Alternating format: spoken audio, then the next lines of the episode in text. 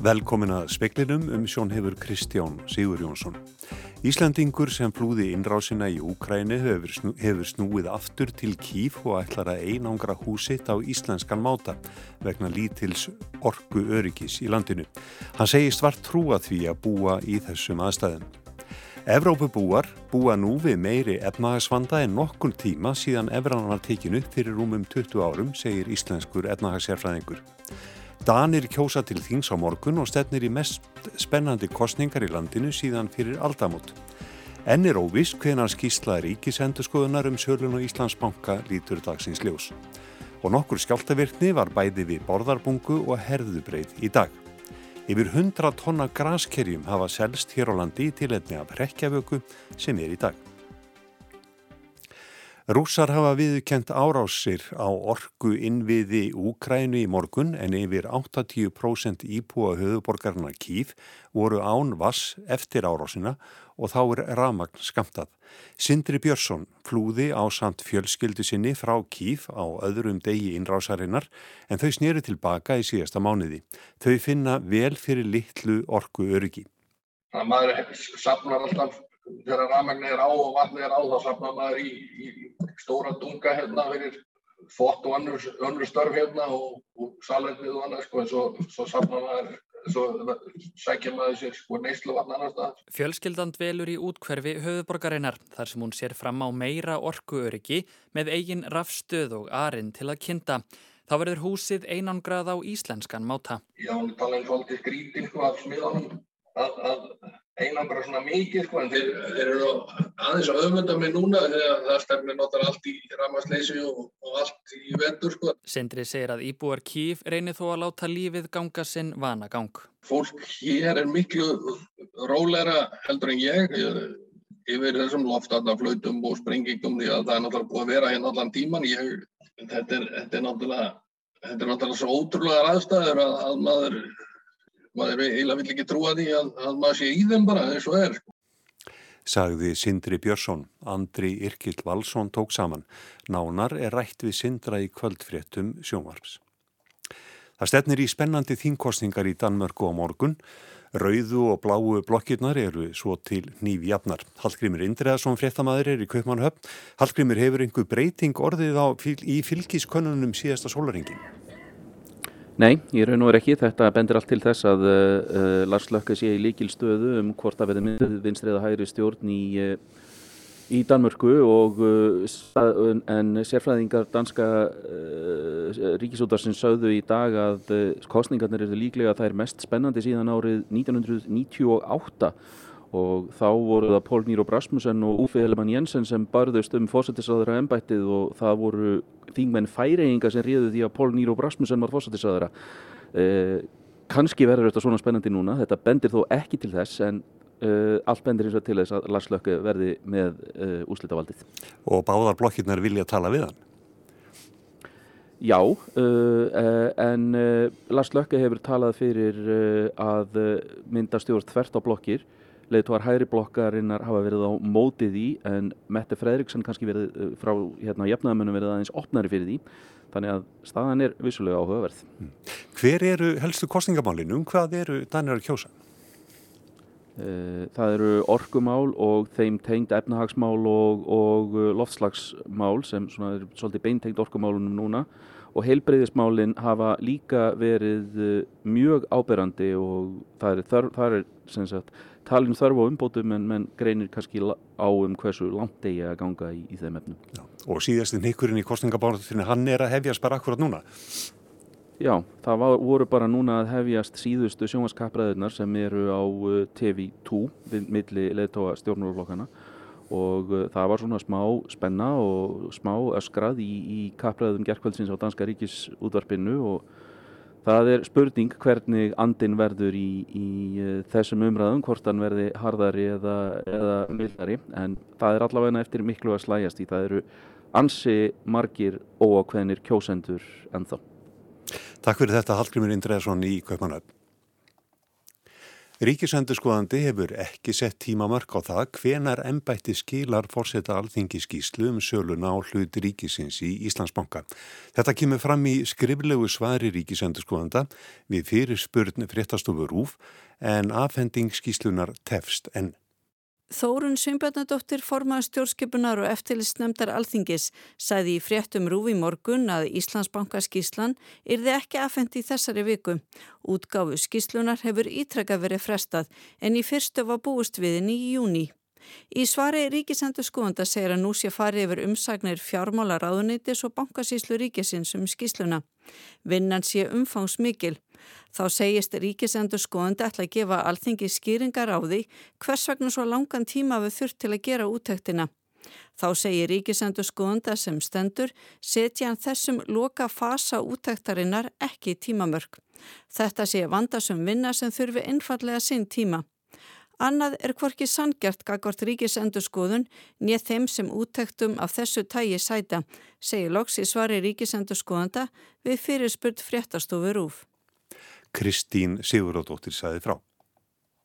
Jarskjálti 4,2 að stærð bærði í bárðarbungur rétt fyrir klukkan þrjú í dag. Skömmu síðar var svo skjálti 3,2 að stærð norður af herðubreið og fylgdu nokkrir eftir skjáltar eftir þá báða. Lofísa Mjöll Guðmundsdóttir, náttúruvar sérfræðingur á Viðustof Íslands, segir ekki óvinnilegt að það skjálfi með svo skömmu mittibili á tveimur mismunandi svæðum. Ekki sé ástæða til að grípa til að rástafana. Það verða í rauninni reglulega skjáltar á, þess, á þessari stærð í borðabungu þannig að þetta er ekkert óðurlilegt. Eh, það er náttúrulega eh, kvika að trúa sig þannig inn og það verða skjáltar í kjölfar þess eh, en það er eins engin góðsóri, órói eða neitt sem bendir til neins núna. Það hafði dreyið svolítið úr skjáltaverkninni svo þarna við herðubreið en þýðir skjáltin þarna í dag að þar sé eitthvað byggjast upp þar aftur? Það er svona spurning, þetta er búið að vera svona upp og niður uh, eins og segir, þá var þetta að fara svona aðeins að róast og svona minni skjáltar en í dag kom hana 3,1 og, og 2 sem voru 2,8 stærð en þetta er bara svona upp og niður. Saði Lóvísa Mjörl Guðmundsdóttir, Andri Yrkild Valsson talaði við hana. Ólaf Sjóls, kanslari Þískalands, gaggrindi í dag lofslagsmótmælendur fyrir að gera fræg listaverk að skotmarki sínu í aðranda COP27 ráðstöðunar í Egiptalandi í næstu viku. Á síðustu vikum hafa mótmælendur á vegum aðgerðarhópsins Just Stop Oil skvett matvælum á fræg listaverk til að vekja aðtikli á lofslagsmálum. Tómatsúpu var skvett á Solblóm Van Goghs í London og og karteblumús var skvett á málverk eftir Claude Monet í Potsdam í Þískalandi. Þá var rjómatertu klingt framann í vaksmynd af Karli Breitlandskonungi og mótmælendur í Berlín límtur sig fast af uppstillingu af risaðilu beinagrind. Á bladamannafundi í dag saði kanslarinn að hann var afar sár yfir þessu mótmælum og það hafi verið mikið mildi að verkin hafi ekki skemst. Þá kvatti hann mótmælendur að vera frumlegri í aðgerðum sínum. Mótmæli brutust út á götum Berlínar í dag og hvati sjálfs mótmælendur að passa upp á öryggi hvors annars búist verður við frekari mótmælum í aðdraðanda COP27 ráðstöfnunar sem hefst í Egiptalandi í næstu viku. Pétur Magnússon saði frá nána verður rætt um COP27 ráðstöfnuna síðar í speklinum. Á hinn ram íslensku jólaborð bætast nú danskir humrar við skosku rjúburnar. Margir hafa vanið sig á að hafa humar í forréttum jólinn. Núna verður engin íslenskur humar sóttur í sjóin þar sem bann hefur verið lagt við humarveiðum. Fólk þarf þó ekki að breyta upp á nýbreytni því starfsfólk Veslana hefur greipið til rástafana. Guðrún Aðalsneinsdóttir er framkvæmda stjóri krónunar. Því miður er það svo að í jól þá munum við ekki geta búið upp á íslenskan humar sem að mörgum fyrstu ruggla að vera algjör synd en við hérna í krónunni við höfum reynd að sportna við því að það verður nú bara ekkert í bóði og verðum með til sölu erlendan humar sem er mikil gæði að vara þannig að fólk ætti ekki að vera svangt eða, eða sakna humarsins allavega.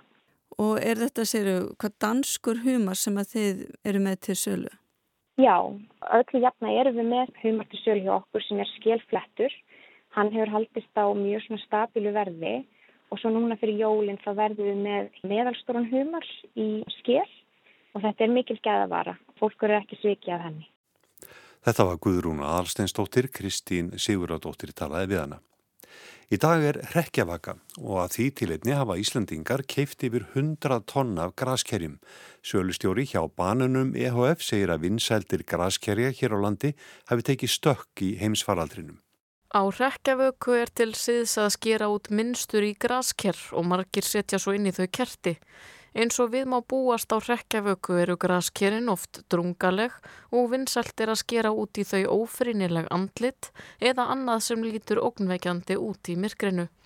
Fyrirtækið Bananar EHF hefur fluttinn grasker í kringum rekkjavökuna í ára raðir en það var árið 2020 þegar heimsfaraldur koronavirunar stóð sem hæst sem Íslandingar verðast hafa tekið ástfóstri við þennan framandi ávöxt. Þá fluttu þau hjá banunum inn 53 tonn af graskerjum. Magnið hefur svo aukist hratt með árunum og fluttu þau inn 83 tonn í ár og kláraðist það allt saman úr verslunum bónus og hagköps. Nokkrir innflytjandur til viðbótar hafa flutt grasker til landsins síðustu ár og hafa svipaða sögu að segja, svo heldarmagnið sem kom til landsins í ár hefur áraðanlega farið vel yfir 100 tonn. Graskerin eru þó enn töluvert langt frá því að toppa vinsældir mandarínana sem leysa graskerin af í verslunum á næstu dögum en hvern vetur kaupa Íslandingar yfir 400 tonn af mandarínum. Ólöf Rún Ellenstóttir saði frá.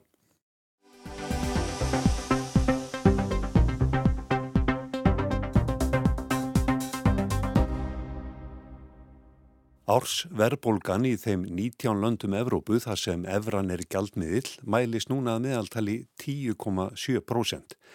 Hún hefur aldrei áður mæl svo mikil í rúmlega 20 ára sögu evrunar. Þetta kemur fram í tölum Evrópsku hagstofunar, Eurostat, sem byrtar voru í dag. Það er engum orgu og matarverð sem hefur hækkað. Það ríkir sannkölluð orgu krísa í Evrópu vegna afleiðinga innrása rúsa í Ukrænu og í framhaldinu refsi aðgerða vestarætna ríkja gegn rúsum. Þetta er ástand sem Íslandingar verða ekki varir við nema óbeint. Orguverð hefur hækkað um tæp 42% á einu ári í Evruríkjum og svo hækkun kemur verulega við pinguna hjá evrópskum almenningi og fyrirtækjum. Stjórnvöld víðumálfuna hafa bóðað aðgerir til að spara orku eins og til dæmis að lækka hita í íbúðarhúsum og skamta eða taka hreinlega af ramagn einhvern hluta sólarhingsins. Almenningur hefur mótmælt hækkandi orkukostnaði Evrópu og ljóst er að orkugrísan verður mjög krefjandi úrlustarefni fyrir stjórnmálamenn víða um lönd. Verð á mat hefur einni hækkað, meir en dæmir um eðum 13,1% að meðaltali á ári í Evrulöndum. Ársverbolgan er misjaflega mikil eftir löndum. Mest er hún í Eistrarsaltslöndunum þremur, Íslandi, Lettlandi og Litáin, þar sem hún er yfir 20%. Hún er 13,1% á Ítalju, 11,6% í Þískalandi og 7,1% í Fraklandi, svo dæmi séu tekinn. Til samanburðar er ársverbolgan hér á landi 9,4% en hér þurfa landsmenn ekki að klíma við hækkandi orkuverð, aðrar orsakir vega þar meira. Speillin rétti í dag við Katrínu Ólafstóttur, hagfræðing og dósent við Háskólinni Reykjavík um efnahagsástandið í Evrópu og áhrif þess hér á landi. Það er náttúrulega ekki skott og útlýttar fyrir. Það var svona horfirna voru þær að löndin var rétt úr sér eftir COVID en núna hefur þessi orku kreppa, myndi segja, að hún er að hafa gríðarlega mikil áhrif og þar hafa verbulgutölur farið hækkandi og, og horfur á hagvexti farið minkandi og Sælabankin byrjar að hækka vexti þar eins og viðast hver annar staðar. Hvað áhrif hefur þetta á líf almennings í Evrópu?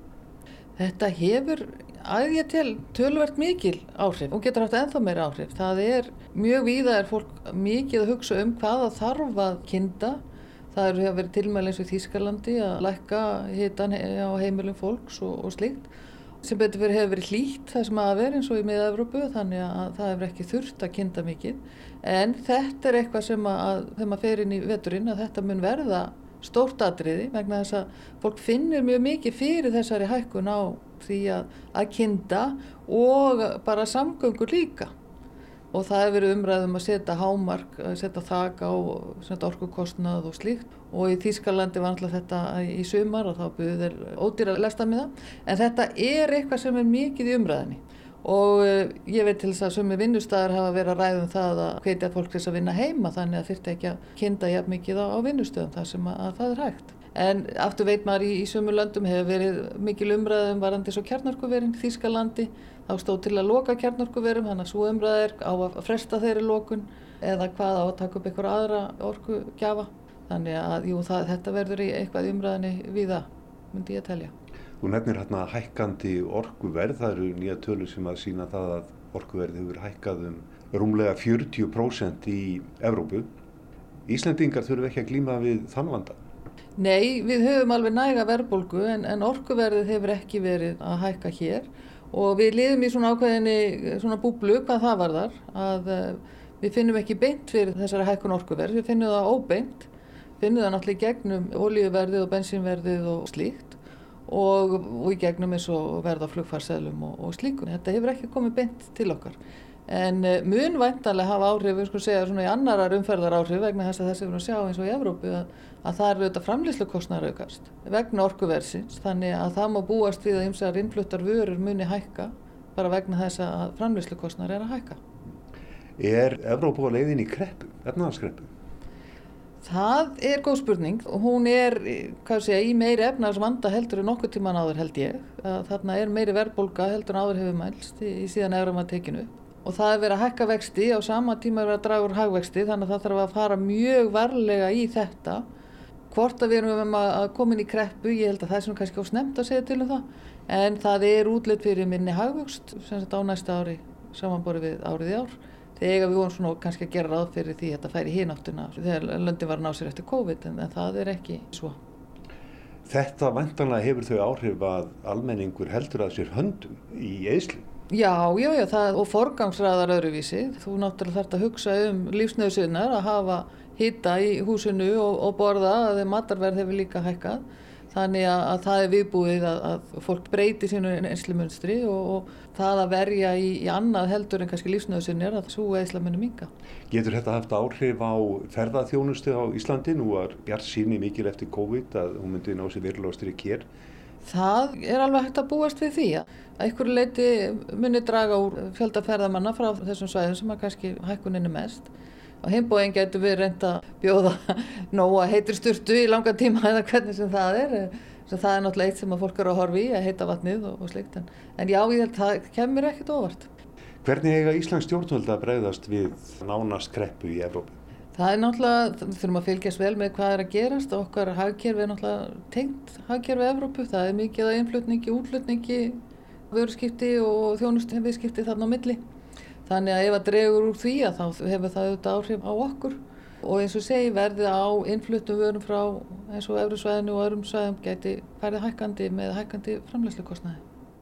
Sagði Katrín Ólafstóttir. Þann 7. november hefst lofslagsarástegnan COP27 í Ekistalandi. Helga Barðardóttir fer fyrir sendinand Íslands á COP27. Okkar helstu væntingar eru að menn haldi áfram að horfa á markmiðum einu og hálfa gráðu eins og kallað er að hýtast í jarðar hækki ekki meir en einu og hálfa gráðu frá innvæðingu sem er innskrifað í Parísarsamningin þó að það sé meiri áherslu á tvær gráður og helst einu og hálfa en áherslan hefur verið að færast meira á það að menn verði að horfa á einu og hálfa gráðu og það viljum við absolutt leggja áherslu á. Þið farið þarna út með eitthvað áherslur að það fer svona yfir þær í, í gróðum dráttum, hverjar, hverjar eru þær? Um, eins og ég sagði þetta með einu og hálfu gráðuna, það er, skip, skiptir okkur miklu máli og það er á, í nokkrum vinnuströymum sem hægt er að koma þeim skilabóðum að. Uh, þá vil ég sérstaklega nefna vinnuströym um mótvæðisaðgerðir sem er nýtt og var ákveðið í Glasgow í fyrra að fara í og er verið að leipa á stokkonum í ár. Eh, það er einnig nattrann stöðutaka sem er annar vinnuströymur þar sem er verið að leggja mat á árangur undanfærna ára. Þetta er innskrifað í Parísasamningin, tveggjára ferli og er núna í miðju kafi en það er enþá hægt að koma að aðtóasemdum og það, það er hægt að leggja áherslu á þetta mál. Við getum vænst þess, við væntingar standa til þess að mann haldi áfram að, að standa við sín lofvorð.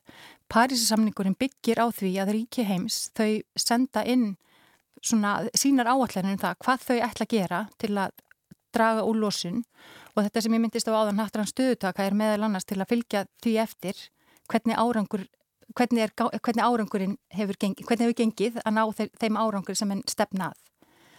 Um, mér langar kannski varðandi fundin líka benda á að Ísland þekst bóð stjórnvalda í síli um að fara fyrir sérstökum uh, samstöðuhópi sem vekur aðtikli á mikilvægi jökla og jöklasvæða í heiminum. Og við erum núna að vinna í því að sapna saman löndum til að taka þátt í þessu með okkur.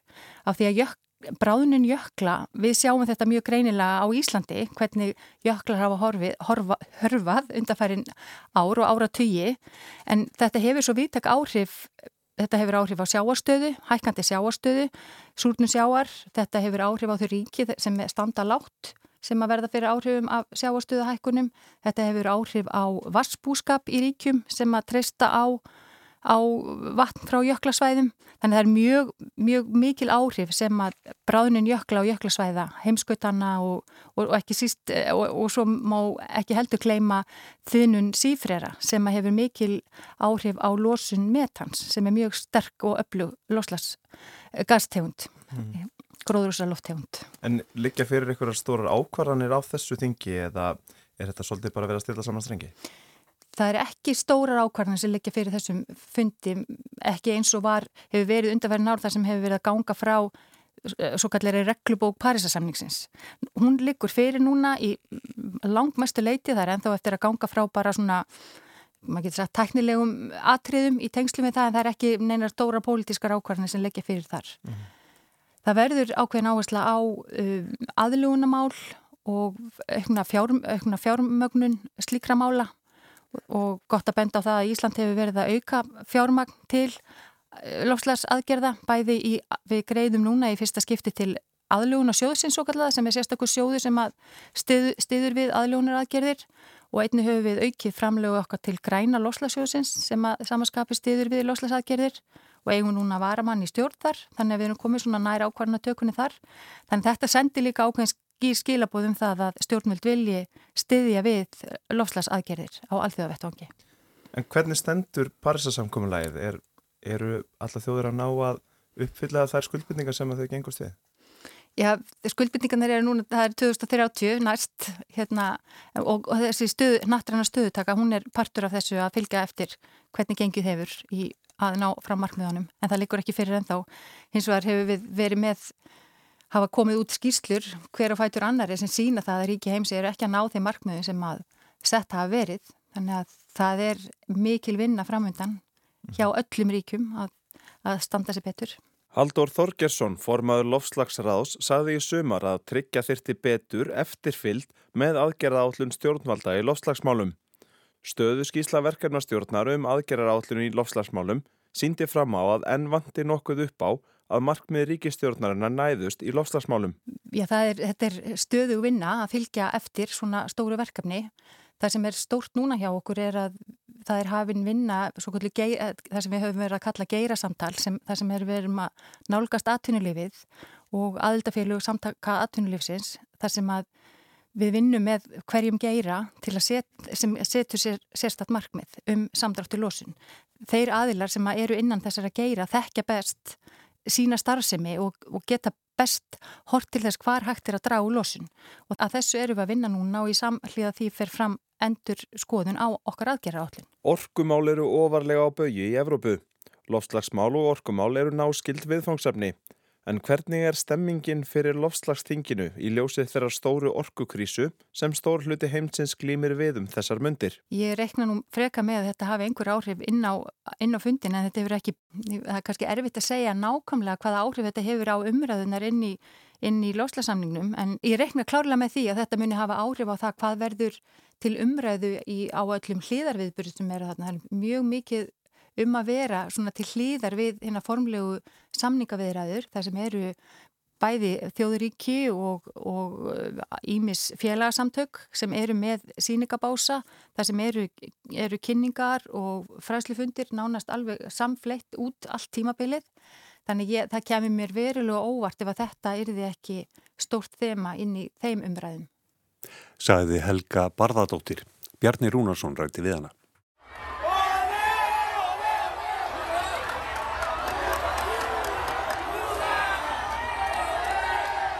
Í São Paulo og víðar í Brasilíu brast á með söng og dansi meðal stuðningsfólks Luis Inácio Lula da Silva forsetta frambjóðanda vinstrimanna þegar hann seg fram úr andstæðingnum Jair Bolsonaro forsetta frambjóðanda hægrimanna í gerkvöld. Kjörstöðun var lokað klukkan átta að íslenskum tíma og til að byrja með virtist Bolsonaro ætla að sigra. Þegar búið var að telja nánast 99% atkvæða hafði Lula þó tryggt sér 50,83% þeirra en Bolsonaro 49,17. Þar með var útséð um að hann geti unnið. Því lísti formaður yfir kjörstjórnar Lula segur vegara kostningana. Hann var á vonum kátur þegar hann ávarpaði stuðningsfólk sitt og þjóðina alla. Hoje nós estamos dizendo ao mundo que o Brasil está de volta, que o Brasil é grande demais para ser relegado a esse triste papel de pária no mundo. Í dag getum við sagt um heiminum að Brasilia sé komið tilbaka, sagði Lula. Brasilia er of stór til að þurfa að vera í því dapurlega hlutverki að vera úrrak heimsins. Lula bætti við að hann ætlaði að verða leiðtói allrar þjóðarinnar en ekki einungist þeirra sem kusu hann. Vandasamt verk væri fyrir höndum en með hjálp almættisins vonaðist hann til að finna leiðir til að endur er reysa líðræðið og að landsmenn getur lifaði sátt og samlindi, friður geti ríkt að nýju innan fjölskyldna og meðal þeirra sem ættu í útustöðum hverjir við aðra. Tími væri komin til að leggja vopnin til hliðar sem betur hefði aldrei verið dreyin upp. Stuðningsfólk Lula sem rætt var við í gerkvöld dró heldur enga dul á að forsetin tilvonandi ætti erfitt verk fyrir höndum en ekki þýtti að berja höfðinu við steinin, heldur sínar þólinnmæði og ítaburtu reyðinni og hatrinu sem hefði enkjent kostningabaróttuna. So we have to be very patient and we have to leave the, the anger and the hatred away. Árnaður Óskum tók að regna yfir Lula fljótlega eftir að ljóst varða að hann hefði sigraði kostningunum þar á meðal frá Joe Biden bandaríkja fórsetta. Hann fagnaði því einni að kostningarnar hefðu verið frjálsar, líðræðislegar og trúverðuar. Justin Trudeau þeirra Kanada sendi hlýjar kveðjur með þeim orðum að brasilíska þjóðin hefði talað. Hann hvað slakka til samstarfsins við hinn nýkjörna fórseta sérilagi á sviði umhverfismála. Alberto Fernández fórseti nágrannaríkisins Argentínu fagnaði úrslitunum. Með þeim sagðan að nýr kapli var að hefjast í sögur Rómönsku Ameriku. Tími vonar um góða framtíð væri hafinn. Eftir allt það óréttlæti sem þú hefur orðið fyrir hefur brasilíska þjóðin kosið þig og líðræðið hefur sigrað, skrifaði Fernandes á Twitter. Gustavo Petro, sem kjörin var fórseti Kolumbíu í sumar, fyrstur vinstrimanna, skrifaði lengi lifi Lula. Hann byrti síðar kort af Rómunsku Ameríku með þeim orðum að meiri hluta ríkja í alfunni væri stjórnað af vinstrimannum. Árnaður og skýrpa árusteytning frá leðtugum Venezuela og Mexiko. Latimir Putin, Rúslands fórseti, hvaðst vonast eftir uppbyggilegu samstarfi við hinn nýja fórseta Brasilíu og Xi Jinping, fórseti Kína, óskaði þjóðinni velfarnaðar. Ljóst er að Lula veitir ekkit af árnaðaróskum. Hann fær fjölþætt verkefni að glíma við næstu árin. Þjóðin er klófin í tvær fylkingar sem erfitt verður að sameina. Þá þarf fórsetin að leta til þingsins með allar meiri háttar ákvarðanir. Stuðningsmenn Sjærs Bolsonaro eru þar fjölmennir. Flokkur fórsetans verðandi, verkamannaflokkurinn, hefur tiltúrlega fáa þingmann í báðum deltum brasiliska þingsins. Því þarf Lula að sína lipur í samningum ef hann ætlar að tryggja sér stöðning annara flokka til að koma stefnumálum sínum áleiðis, svo sem að hætta með öllu að eigða Amazon frumskóinum. Að sögn frettaskýrenda kann það að verða þrautin þingri vegna fyrir sjáanlegs kostnaðar. Segir Bolsonaro tjáði sig ekkert um úrslitin í gerkvöld. Nánir samstarfsmennans sögða að hann hefði gengið snemma til náða. Í dag hefur hann ráðið ráðum sínum með ráðgjöfum í forsetahöllinni og er sagður leita leiða til að snúa úrslitum gerdagsins sér í hag. Flutningabilstjórar og fleiri andstæðingar hins nýkjörna forseta lokuðu nokkrum þjóðvegum í Brasilíu í dag til að lýsa yfir andstöðu sinni við úrslit kostningana í gerð. Hörðustu aðgerðirnar voru í ríkinum Mato Grosso þar sem stöðningur við Sjæri Bolsonaro hefur verið afgerandi. Ekki var ljóst hvort mótmælinn varu sjálfsbrottin eða hvort einhver félagskapur stóð fyrir þeim. Að sögn brasilískra fjölmiðla var umferð stóðvuði að minnst ákosti fimm öðrum ríkjum og borgum landsins, þar á meðal í Rio de Janeiro og São Paulo. Ásker Tómasson saði frá. Það var helst í speklinum í kvöld að Íslandingur sem flúði innrásina í Úkrænu hefur snúið aftur til Kív og ætlar að einangra húsitt á íslenska máta vegna lítils orkuöryggis í landinu. Og Danir kjósa til þings á morgun og það stefnir í mest spennandi kostningar í landinu síðan fyrir aldamót. Fleiri ekki speklinum í kvöld, tæknimaður var Kormákur Marðarsson, veriði sel.